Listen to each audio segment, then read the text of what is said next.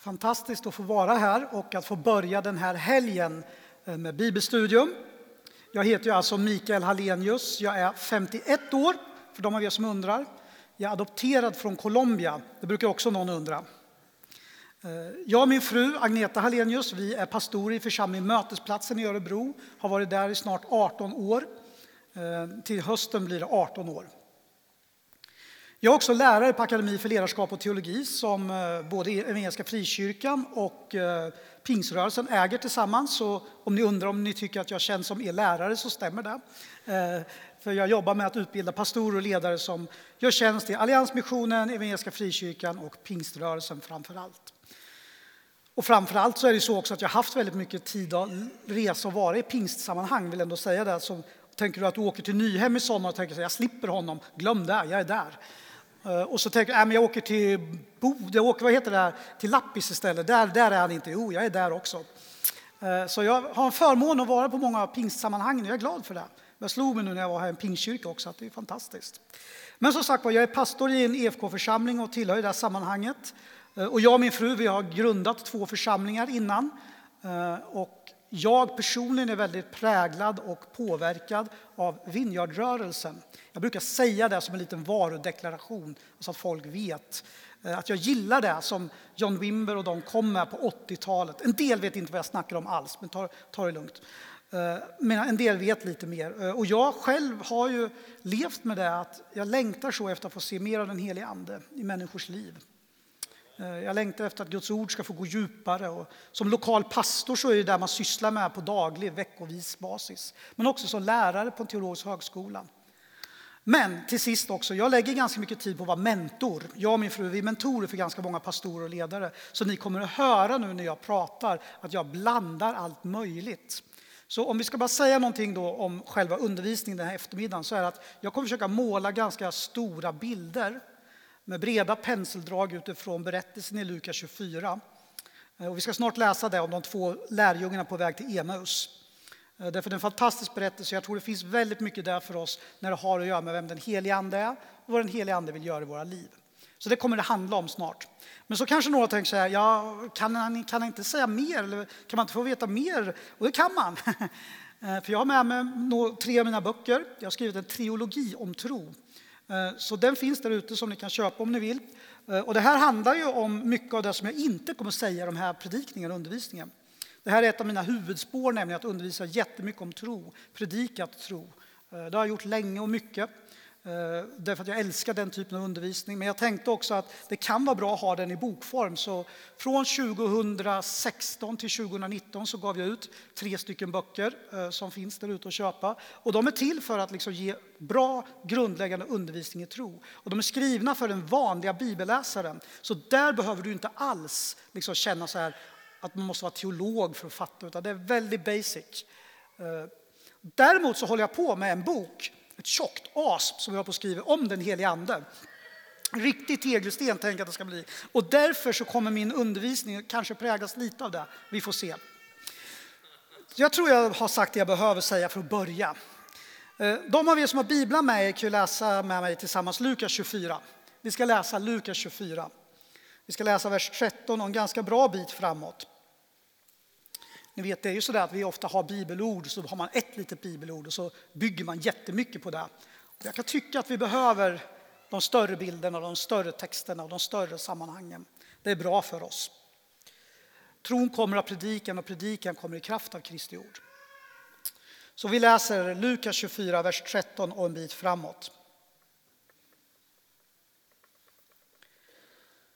Samma dag var två lärjungar på väg till en by som ligger en mil från Jerusalem som heter Emus. De talade med varandra om allt det som hade hänt. Medan de gick där och samtalade och diskuterade då kom Jesus själv och slog följe med dem. Men deras ögon var förblindade, de kände inte igen honom. Han frågade, vad är det ni går och talar med varandra om? De stannade och såg sorgsna ut. Och den ena som hette Kleopas svarade, du måste vara den enda som har varit i Jerusalem och inte vet vad som hänt under dessa dagar. Och vi bara stannar där, det här är så roligt. För han var ju den enda där som verkligen visste vad som hade hänt. Det är bara helt fantastiskt. Men då säger De är sorgsna och när Jesus bara pratar med dem så säger den ena, du måste vara den enda som har varit i Jerusalem och inte vet vad som har hänt under dessa dagar. Vad har hänt? frågade han. Han vet ju obviously vad som har hänt. De svarade, detta med Jesus från Nasaret, han som var profet, mäktig i ord och gärning inför Gud och hela folket. Han blev utelämnad av våra överste präster och rådsherrar och de fick honom dömd till döden och korsfäst. Medan vi hoppades att han var den som skulle befria Israel. Så om vi stannar där igen. Vi måste förstå att det här samtalet som vi stöter på här och de här två människorna som vi pratar om, det här är Jesuslärjungar som är väldigt sorgsna. Det syns på dem, de är sorgsna. Varför det? Därför det de hoppas på har inte hänt. Okay? Medan vi hoppades att han var den som skulle befria Israel. Men till allt detta, alltså det är inte nog med det, men till allt detta kommer att den tredje dagen sedan det här hände, det här är där då, och nu har några kvinnor bland oss gjort oss uppskakade. De var vid graven tidigt i morse men fann inte hans kropp. Och de kom tillbaka och berättade att de i syn hade sett en ängel som sade att han lever. Nu vet de alltså inte alls vad de ska tro. Och nu vill jag att du är med mig väldigt noga, därför så här funkar det många gånger i våra liv. Ibland kan hopplösheten vara nästan tryggare. För då vet vi ändå vad vi dealar med. Men när någon kommer och rör oss från den mot hoppet och livet, då kan det vara så att det skakar om oss. Det blir djupare, alltså det här är bara början. De här kvinnorna då som har gjort dem uppskakade, det står i vers 22, de var vid graven tidigt i morse men fann inte hans kropp. Och då kom, de kom tillbaka och berättade att de i en syn hade sett änglar som sa att han lever. Några av de våra gick ut till graven och fann att det var som kvinnorna hade sagt. Honom själv såg de inte. Då sade han, alltså Jesus, förstår ni så lite? Är ni så tröga till att tro på det profeterna har sagt? Och det där kan ju ingen genomsnittlig pastor i Sverige säga i en frikyrka till en medlem. Förstår ni så lite? Är ni tröga till att tro? Men det är ganska raka ord, eller hur? Det får man ju ändå säga. Det är ganska så här, Eh, det är inte så inkännande, det är inte så sökarvänligt. Eh, men Jesus håller på att forma lärjungar här, så han är inte så stressad över det antagligen. Och med början då hos Mose och alla profeterna förklarar han för dem vad som står över honom överallt i skriften. Och det här är ju bibelstudiet man gärna hade velat vara med på. Det tror jag de flesta känner. Alltså det här hade varit rätt gött att höra. Mm. Vers 28. De var nästan framme vid byn dit de skulle och han såg ut att vilja gå vidare.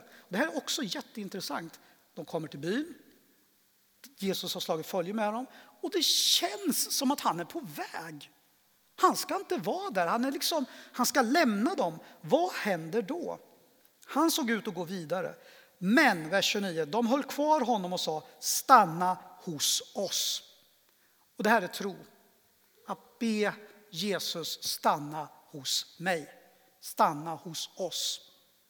När då? När man är sorgsen, när det man har hoppats på inte händer, när folk säger sånt som gör dig upprörd, när saker som händer i kyrkan eller i samhället gör att du undrar hur är det egentligen med allting? Vad ska vi göra då? Då ska vi säga Jesus blir kvar hos mig. Det är trons svar på allt det vi möter, allt det vi inte förstår, alla grusade hopp. Jesus, stanna hos mig. Så de sträckte ut handen, grep efter ett halmstrå och de säger stanna hos oss. Det börjar bli kväll och dagen är snart slut. Då följde han med dem in och stannade hos dem. När han sedan låg till bords med dem tog han brödet, läste tackbönen, bröt det och gav åt dem. Då öppnades deras ögon och de kände igen honom. Men han försvann ur deras åsyn. Alltså, är ni med? Alltså det här, han är så hal. Alltså vad håller Jesus på med? Först är de på väg liksom till det stället och då ser de han är på väg att dra. Så de bara stannar Jesus. Han bara okej okay, jag kommer in. Han käkar, han gör sin Jesusgrej, bryter brödet och de bara boom, de fattar, det är han. Och då är han bara borta. Har ni, alltså, visst är det, med, alltså, ja, jag ska komma tillbaka till allt men visst är det lustigt. Eh, min poäng här är väldigt enkel. Ofta har vi en för ytlig bild av Jesus. Det vill säga att Jesus är på våra villkor. Här ser vi något djupt viktigt bibliskt. Jesus gör som Jesus vill. Vi har inte en Jesus på våra villkor. Jesus var på väg, sen så stanna hos oss. Absolut, jag kan stanna. Sen så bryter jag brödet och deras ögon öppnas. Jättebra. Sen drar han. Det där säger någonting viktigt. Det säger någonting om tron. Det säger att Jesus gör som Jesus vill. Vi kan inte äga Jesus. Vi kan inte ha lovsång som gör att det måste bli på ett särskilt sätt. Vi kan inte ha en pastors stil eller ett predikotema som gör att allting blir glasklart. Jesus gör som Jesus vill. Och de sa till varandra, när han hade försvunnit ur deras åsyn så kände de igen honom och han försvann ju då. Och då står det i vers 32, och de sa till varandra, brann inte våra hjärtan när han talade till oss på vägen och utlade skrifterna för oss? Och häng med nu, för nu blir det, jag varnar på en gång då att det blir väldigt djupt här, men jag tänker att vi börjar med på en gång så här liksom. Här ser vi också något väldigt viktigt när det gäller, och vi ska komma in på det med den heliga ande. Tron på Jesus Kristus är omöjlig utan den helige Ande. Tron på Jesus Kristus är omöjlig utan den helige Ande. I första Korinthierbrevet kapitel 12, vers 13 så står det att liksom ingen driven av Guds ande kan bekänna att Jesus Kristus, om man, man måste bekänna Jesus Kristus här, då är man driven av den helige Ande. Okej? Okay? Så den anden, den heliga Ande, har med tron på Jesus Kristus att göra. Det är den heliga Ande som väcker tron på Kristus, den heliga Ande som gör tron på Kristus möjlig. Och här har vi några lärjungar som har haft ett kraschat hopp. De har svårt att fatta vem det är som slår följe med dem. De har väldigt svårt att ta att andra lärjungar, några gapiga kvinnor, verkar säga att har, de har sett något. Det verkar som att de nästan är tryggare i hoppet som är grusat än möjligheten till nytt liv som faktiskt håller på att bryta fram. Där får de sig ett bibelstudium. Där verkar ordet. Och det är det som är slutklämmen här. De inser ju att när de försöker förstå den här hale Jesus, när de försöker förstå den här konstiga situationen, så landar det i, men var det ändå inte så att när han sa det där om Guds ord, då brann våra hjärtan. Med andra ord, de går tillbaks till egen djup erfarenhet av att ha upplevt någonting från Herren. Är ni med så långt? Mm. Så det vi har här, och nu kommer min första så här riktiga liksom, tunga puck, det kommer fler, men den första är den här. Det vi har i Lukas 24 och den här berättelsen om Emusvandrarna, det är hjälp att förstå vad den heliga Ande gör i människors liv. Vi har en hjälp här. Eller man kan säga så här, vi har konturer av den helige Andes verk. Är ni med på att det finns konturer? Man, vet, man kan se liksom så här, ja, ungefär. Jag till exempel, jag känner igen Agneta. Bland en folkmassa på tusen personer så kan jag urskilja min fru. Därför jag är så van att se hennes konturer. Eller hur? Men om du frågar mig, så här, kan du beskriva exakt Agneta så att jag känner igen henne? Det kan inte jag. Jag kan försöka, men det troliga är att det inte riktigt går. Utan det vanliga när vi känner igen och uppfattar är ju att vi använder oss av vad då? Konturer. Och ett annat sätt att beskriva konturer är att det är en tillfällig omkrets. Ungefär här, ungefär så här. Och här i Lukas 24 har vi massor av den heliga ande verkar. Ungefär här, ungefär så här. Så jag ska dela lite med, det, eh, med er vad det handlar om. För det första så är det så att det är uppenbart att en av de saker som hjälper till här när lärjungarna har grusat hopp, när lärjungarna är upprörda, när lärjungarna saknar Jesus. Det som hjälper till här är vad då? Samtalet. De samtalar med varandra. Så de av er som tänker att den heliges andes starka närvaro bara är i vissa liksom, typer av uttryck Eh, jag till exempel nu när vi satt och lovsjöng, jag älskar att vara i lovsång. Jag känner den helige Andes närvaro nästan jämt. Jag älskar liksom bara det här att vara i lovsång. För mig är det något otroligt viktigt för mitt kristna liv. Men jag skulle också säga att jag kan se och känna igen konturen av Andens närvaro i goda samtal. Okej? Okay? Så vi får inte göra den helige Ande för liten, precis som Jesus är inte på våra villkor. Jesus är en hal rackare, det har vi lärt oss nu, eller hur? Du kan inte bestämma över Jesus. Jag, kan, alltså, jag gör vad jag vill, jag är Jesus. Liksom. På samma sätt är det med den helige Ande. Det står faktiskt där att den helige Ande blåser vart den vill. Det är en mardröm för ett kontrollfreak. Eller hur? Ja, men jag vill ha kontroll. Glöm det. Däremot kan vi veta med ganska stor säkerhet att det djupa, ärliga, uppriktiga samtalet det är en landningsbana för den helige Ande. Då var det där sonen började verka. När glider Jesus upp? När de samtalar med varandra. Och fråga, vad händer när Jesus ser att de är bedrövade? Tänker, nej, äh, men det är inga bra kristna, det är inget bra för mitt varumärke. Jag glider någon annanstans där de är mer pepp, där det är mer uppbit. Nej, han glider upp och han möter dem där de är i deras samtal. Så det är det jag vill skicka med er först av allt. När allting går sönder när hoppet verkar ute så är det en av de saker som den helige Ande vill göra är att låta de ärliga, uppriktiga samtalen fortsätta. Och det kanske var bra för en del av er att höra, för ni har aldrig känt igen den helige Andes konturer där. Ni bara, vi har bara suttit och snackat ikväll. Skärp dig! Det kan ju vara den helige Ande som gör något. Alltså vi får inte se ner på det viktiga, ärliga, uppriktiga samtalet. Nej, men liksom ingen skrek ju tungor. Nej, det måste väl inte alla göra jämt? Eller hur? Då blir det uttrycket det viktigaste. Alltså, fattar ni? Vi måste ju få en större bild av den heliga Andes omkrets. Det tillfälliga liksom, som den heliga Ande gör har med samtal att göra väldigt ofta. Och här står ju mycket på spel. De här lärjungarna är tyngda av sorg och det står i vers 16, deras ögon var förblindade. Så de är skitdeppade och de är blinda. Och så pratar de. Så min första liksom uppmaning till er den här eftermiddagen är, se inte ner på utan värdesätt och lär er att förstå att den helige Ande vill och kan verka i personliga, ärliga, uppriktiga samtal.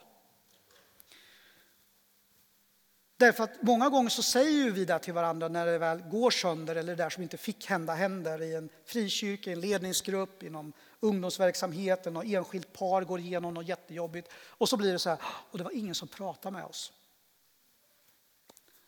Kan det vara för att vi inte är ledda av den helige Ande på det området?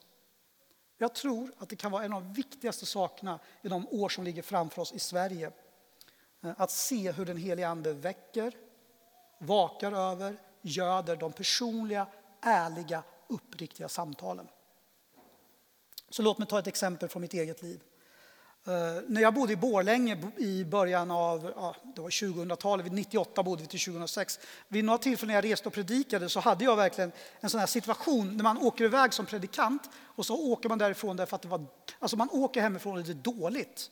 Alltså jag blev osams med frun, jag liksom hade gjort något mot kollegan som inte var bra. Alltså jag kommer till en plats och känner att jag är ganska, inget bra läge. Känner ni igen det? Mm. Då kan man ju välja hur man gör med det där. Och jag gjorde faktiskt så att jag, när jag träffade, då, som jag gjorde nu innan pastorer här och åt lunch, här, då berättade jag, äh, jag vill bara berätta en grej, att äh, vi bråkade innan och det var inte bra, jag tror vi blev sams men det känns inte okej. Okay. Och den där responsen som jag fick då från andra pastorer och kollegor var ju alltid, åh, vad ärligt. Och jag bara, fast är det så att vi går omkring och låtsas för varandra mest? Varför blir det så starkt? Eller hur? Hur kunde det bli så starkt? Jag har ju inte klyvt en atom direkt. Vad jag har gjort är bara sagt så här, ja, men hörni, alltså okej okay, jag har min bästa kostym på mig, jag är lite taggad sådär, jag har liksom lite bra bibelord, men jag mår också skit.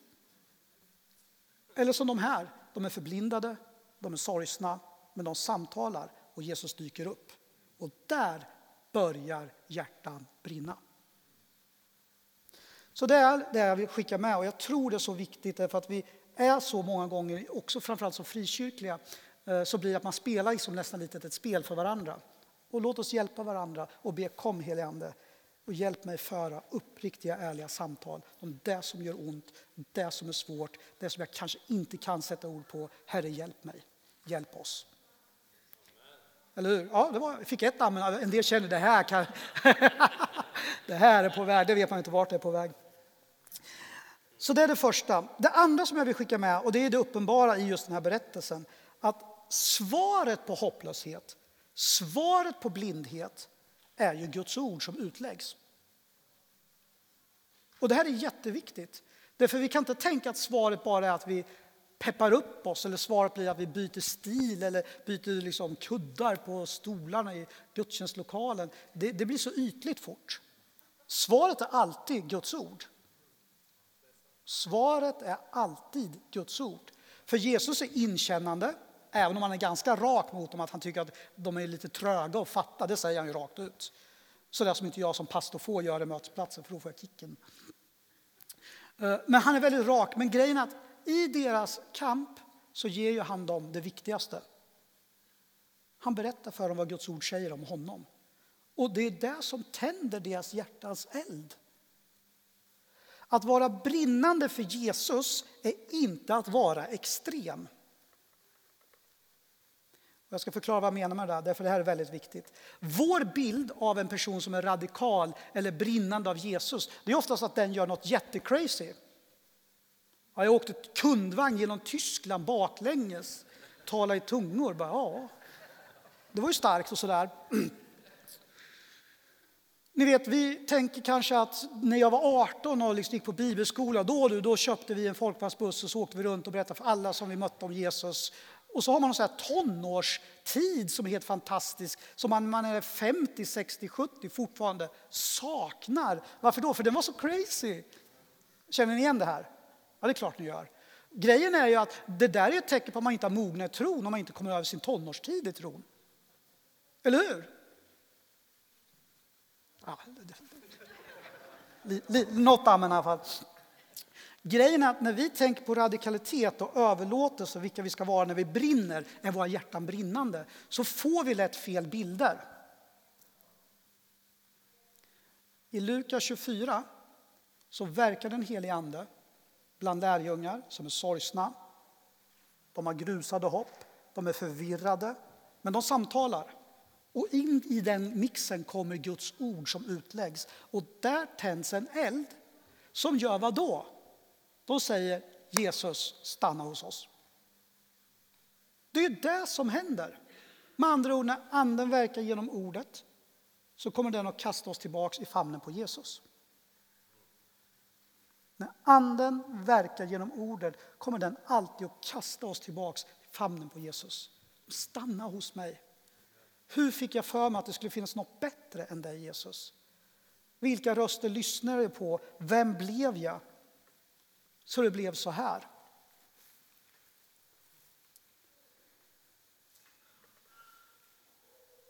Med början hos Mose och alla profeterna förklarar han för dem vad som står om honom överallt i skriften. Så vad den helige Ande gör, för det andra, förutom då att hålla igång samtalet, vad den helige Ande gör är att alltid förklara Kristus för oss i skriften. Det är helt fantastiskt. Vad den helige Ande gör är alltid att förklara Kristus för oss i skriften. Överallt! Se mer av Jesus. Så lösningen på problemet för lärjungar som går igenom jobbiga perioder, lösningen på problemet med lärjungar som tappar hoppet eller går igenom sånt där som är förvirrande och det är tungt. Man kan till och med se på lärjungarna att de ser sorgsna ut. Lösningen är ju att den helige Ande får verka genom ordet så att det blir tydligt vem Jesus är.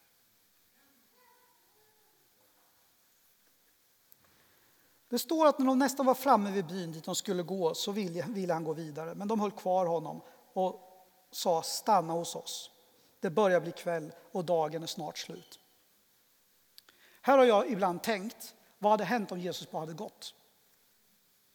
Vad hade hänt om Jesus bara hade gått? Om de hade varit kvar där? Och mitt svar är egentligen att jag tror att vad som hade hänt då är att vi hade inte suttit här idag. Vi hade varit stekta. Då var det slut. Det kan låta drastiskt, men min poäng är enkel. Det vi ser här det är Jesus Kristus och hans enorma kärlek till de som vill följa honom. Jag stannar hos er. Och då undrar ni, hur? Och svaret är, genom den helige Ande så har vi Kristi närvaro i våra liv. Överallt, genom allt. Den helige Ande kommer med Kristi närvaro in i våra liv. Och då är inte bara Kristus med oss som en bästa medvandrare. Guds ord säger att Kristus bor i oss. Flyttar in. Och återigen, det finns en mängd bibelord som säger det om den helige Ande. Och vi ska inte läsa alla nu, men det jag försökt göra så här långt i det här bibelstudiet är att använda Lukas 24 för att visa dig på den helige Andes omkrets eller konturer. Alltså så här gör den helige Ande. Det här händer när den helige Ande verkar. Och lägg märke till att det står ju inget uttryckligen om den helige Ande i Lukas 24. Men vi, om vi tränar vår blick, kan se den helige Ande i skriften överallt. Precis som Kristus hjälpte lärjungarna att se honom överallt i skriften så kan vi få en tränad blick så att vi kan se anden överallt i skriften. Och nu kommer det stora. Och det kan också spilla över på våra vardagsliv. Vi kan bli bättre på att se och urskilja vad den heliga Ande gör i våra och andra människors liv. Jag vet inte om ni känner till, men det finns en grupp människor som är väldigt märkliga. Och den här gruppen människor de har det gemensamt att de har ett intresse som gör att de eh, kan åka till platser när som helst om mobilen ringer eller de får ett sms. Och det här intresset det handlar om att de liksom har köpt dyra kikare, alltså dyra kikare. Ja. Och sen så bara drar de så fort de kan. De kan släppa hus, hem, fru, barn och så ska de åka vadå? titta på fåglar. Känner ni igen det här? Det kallas fågelskådare. Och när jag blev kristen 1987, då fick jag veta på grund av att min ungdomspastor var fågelskådare att det var en kristen grej. För Gud liksom i naturen och fåglar. Jag bara, you say what? Jag, jag är liksom en ortenkille. Jag växte upp liksom innanför 50-skyltarna. Jag lyssnar på gangsterrap, jag gillar Lille och Susie. Och jag bara, fågelskådning? Alltså, vad håller du på med? Är du på riktigt? Han bara, ja men det finns ju massor med bibelord om fåglar. Och jag bara, men det skiter väl jag i? Jag tänker inte börja skåda fågel för att jag är kristen. Nu får du skärpa dig. Och så var mina första år som kristen. Jag känner fortfarande att jag blir upprörd. Eh, så ni får hjälpa mig sen här tillbaks till ämnet. Grejen är den att när man pratar med en duktig fågelskådare så kan ju den verkligen urskilja ljud och de här fjädrarna och näbbarna och grejer. De, sätter, de vet ju vad de är liksom. Ja, ni hör, jag vet ju ingenting. En av mina favoriter är ju faktiskt min gamla ungdomspastor och min kollega nu på Akademi för ledarskap och teologi, Mikael Telbe. Ibland när jag träffar honom, vi bor ju på samma liksom ställe i stan, då går han ut och går och har hörlurar och då vet jag, han lyssnar på fågelläten. Och det är fortfarande så att jag känner så här, det är tur att vi har samma religion för jag gillar inte det där liksom. Och min poäng är egentligen ganska enkel. Använd fågelskådarna som en bra bild på det här med hängivenhet, att lära oss att känna igen den helige Ande. Överallt, i allt, genom allt. Vi kan träna blicken precis som en fågelskådare, men du måste inte bli fågelskådare. Men alltså, så kan man lära sig. Och är du det och tycker det är rimligt så välsigna dig. Liksom så. Jag tror bara att det är väldigt viktigt att säga till varandra att på samma sätt som samtalet behöver vara levande, på samma sätt som samtalet behöver vara levande, på samma sätt som att Guds ord behöver få sätta våra hjärtan i brand, så behöver vi också bli bättre på att urskilja vad den helige Ande gör i våra och andra människors liv. Okej? Okay? Så jag ska ta en liten snabb grej bara om det. Eh, därför jag tror det är väldigt viktigt att vi får med det. Det här med vad den helige Ande vill göra i våra liv. Så jag ska nämna några saker bara. Eh, och sen efter det så kommer jag avsluta med att säga något som jag tror att liksom Gud håller på att göra eh, i Sverige och i många församlingar. Jag ska dela det med er. Men bara så att vi har med oss en sån här liten crash course vad den helige Ande vill göra i våra liv. Det kan vara bra att veta vad man ska leta efter nu då. Jag kommit, om jag någon gång skulle börja skåda fågel, vilket jag aldrig kommer att göra, då, då fattar jag att det måste vara näbb, det är fjädrar. Alltså man måste ha någon grundläggande idé om vad det är man letar efter, eller hur? Det är ju rimligt liksom. Eh, så därför tänker jag att bara ge dig fyra grundläggande drag hos den helige Ande, vad den helige Ande håller på med, så kan man liksom titta efter det. Okay? Så det första, det den helige Ande alltid gör, eh, det den helige Ande alltid gör är att den helige Ande sätter alltid allt ljus på Jesus. Eller som det står, förhärligar. Anden kommer för att förhärliga Sonen. Eh, Ordet som används där är egentligen strålglans eller liksom så här ljus. Alltså, när något blir förhärligat i Bibeln, då är det ju liksom idol gånger tio på steroider. Du kommer ut liksom så, här, så, så ljus, kraft. Liksom det är otroligt fokus. Och det är vad den helige Ande gör.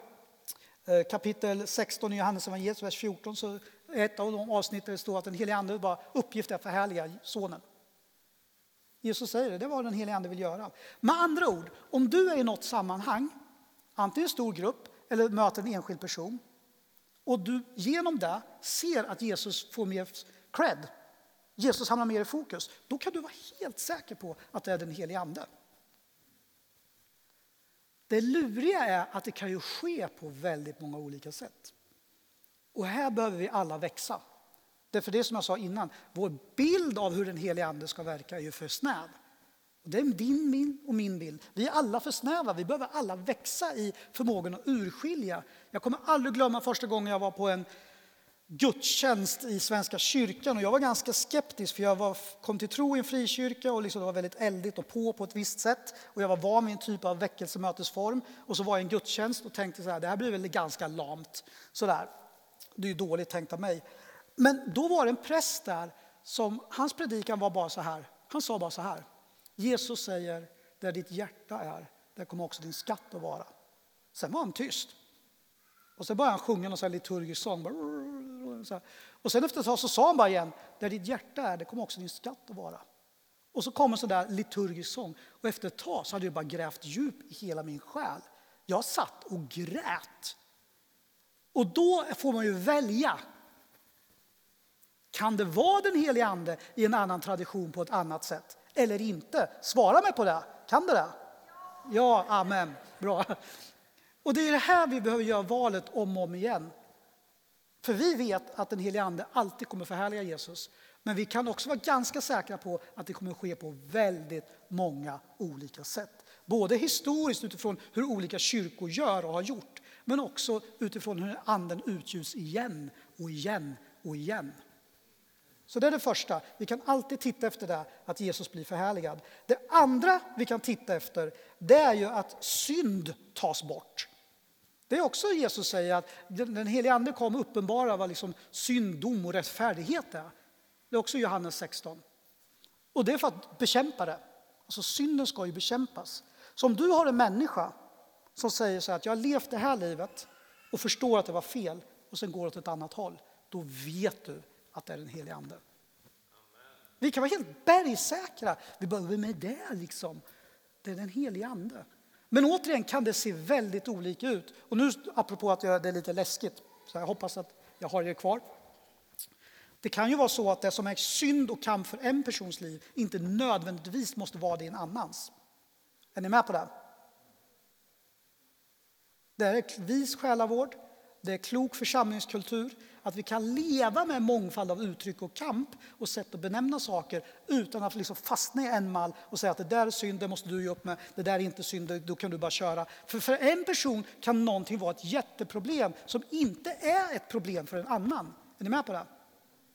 Alla var inte där för det blev för jobbigt. Men det är viktigt därför att när kampen mot synd förs så måste, och nu kommer det, måste det vara den helige ande som övertygar. Annars så tvingar vi bara folk att tycka som oss. Hur fräscht är det i ett evighetsperspektiv? Nej. Men vi känner igen den heliga anden när den gör det där. Och jag älskar det. Det var en tjej faktiskt, vi hade en ungdomsläger för några år sedan. Så stod en tjej framme i en sån här mittgång vi hade förberett. Hon grät. Hon bara grät och grät. Så stod en annan flicka så här och klappade henne och tröstade henne. Så kom en till, så blev det ett kramparty. Och alla bara, det så vackert. Och så. Men grejen, hon som stod och grät, hon var skitsur. Och jag såg på henne att hon är sur. Och de här andra tjejkompisarna bara, mm.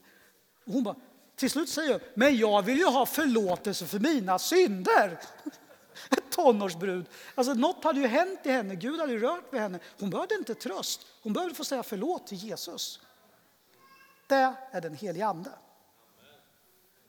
För det tredje, det vi kan vara helt bergsäkra på att den helige Ande gör, det är att älska oss närmre Gud.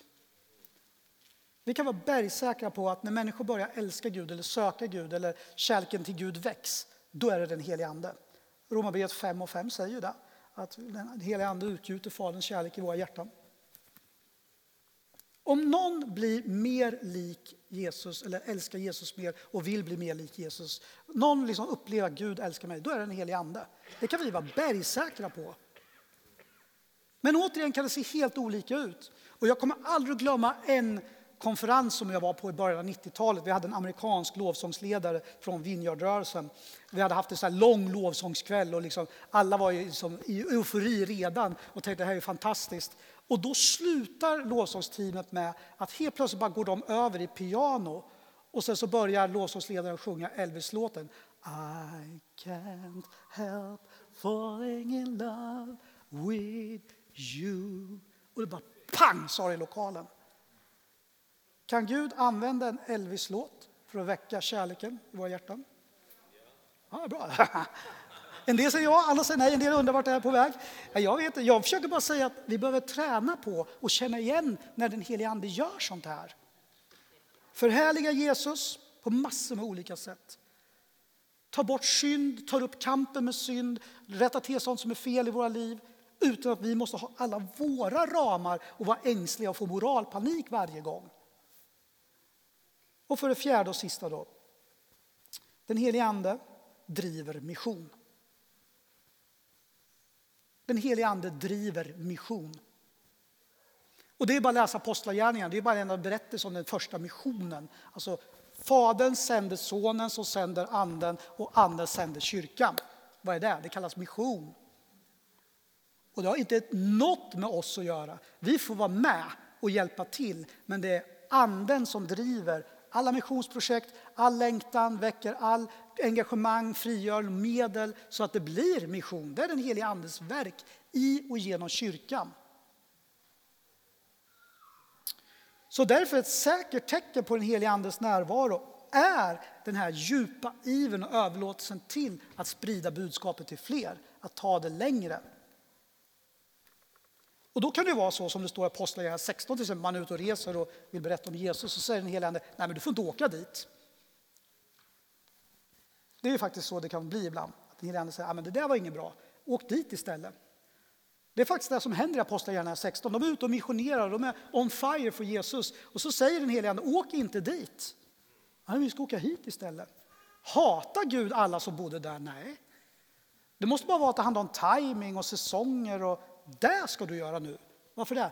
Därför att den helige Ande säger det. Därför att den helige Ande driver mission.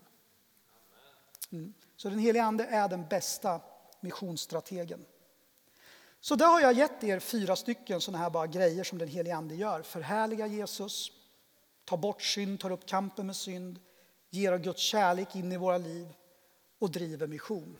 Och det är bergsäkert. Alltså det, här, det är som med fåglar, de har vingar, de har näbbar. Liksom, så här, liksom. Då vet vi det. Så det jag ska avsluta nu med att dela med er, det är också vad jag tror är en saker som Gud faktiskt håller på att göra i Sverige och i många kyrkor. Och kanske kommer du känna igen dig i det jag beskriver nu. Därför att det här har ju att göra med pandemin.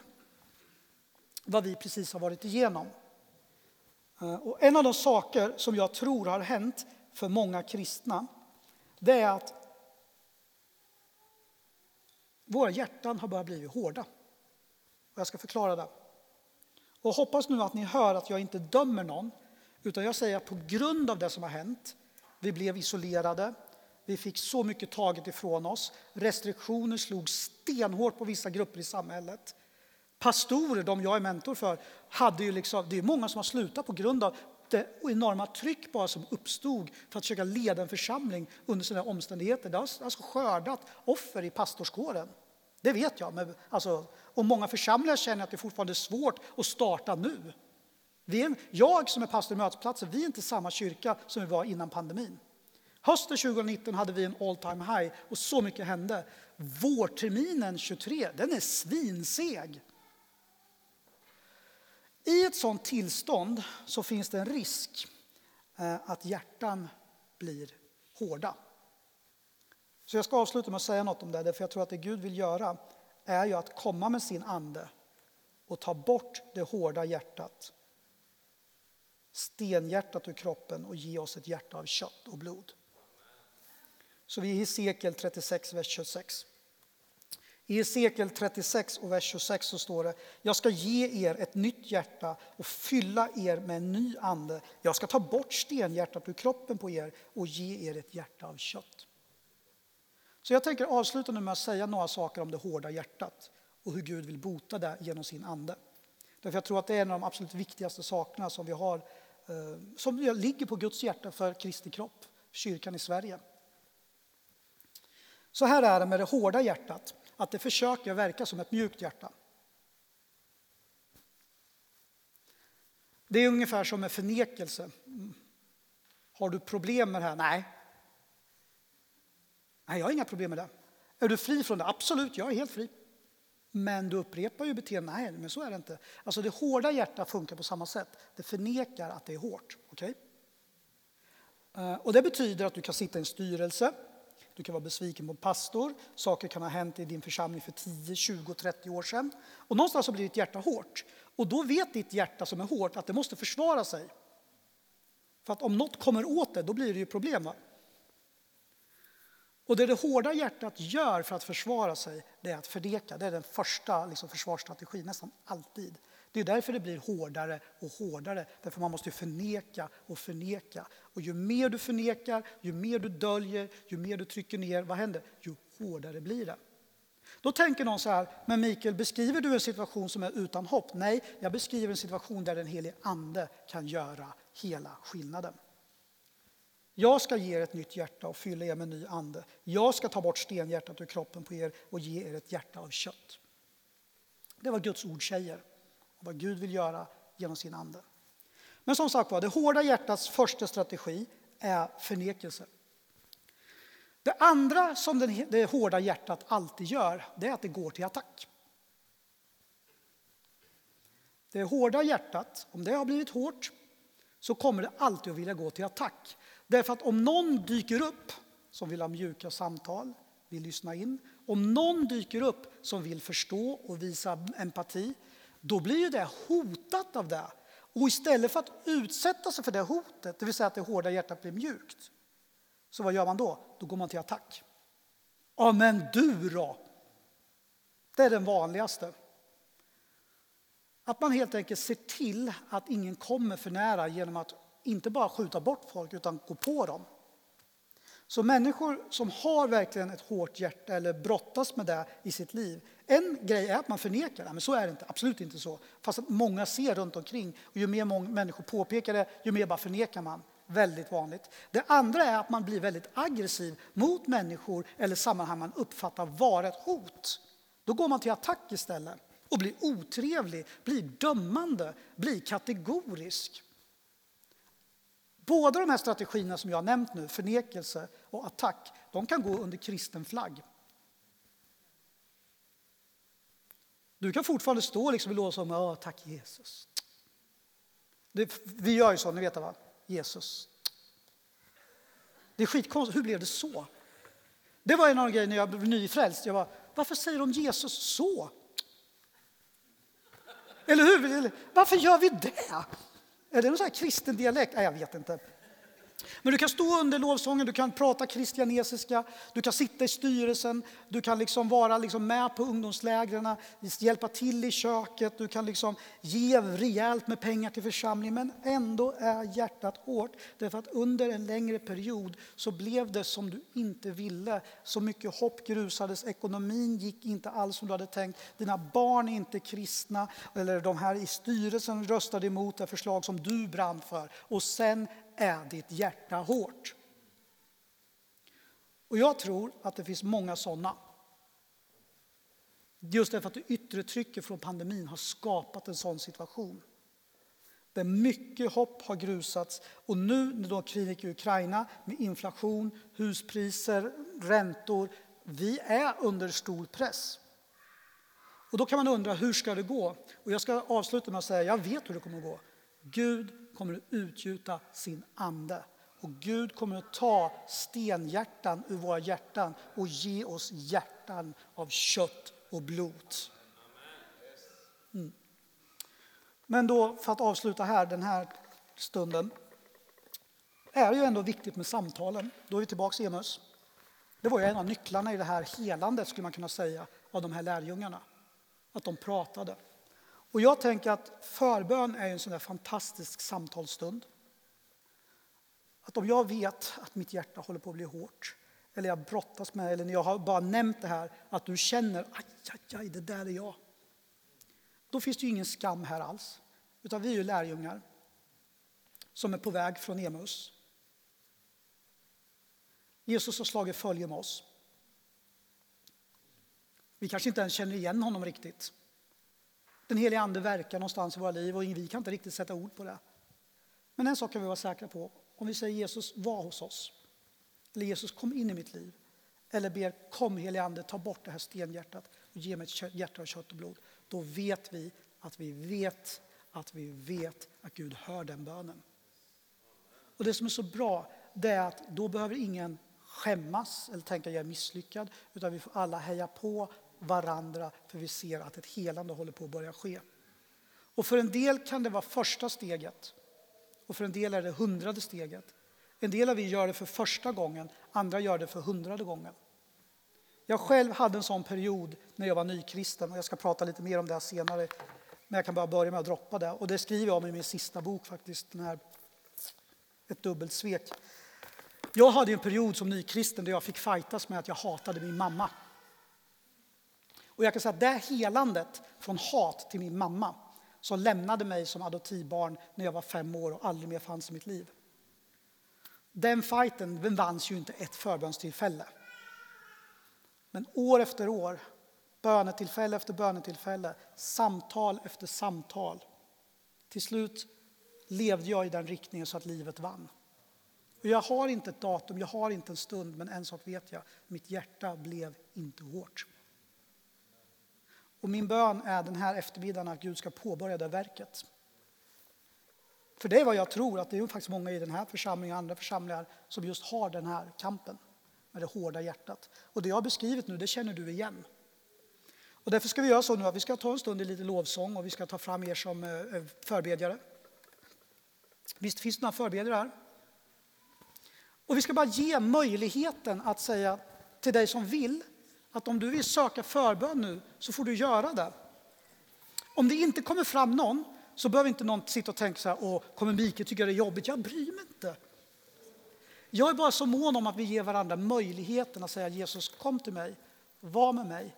Eller så här, Jesus hjälp mig, mitt hjärta håller på att bli hårt. Eller hjälp, mitt hjärta är hårt. Då finns det en sak vi vet vi kan göra.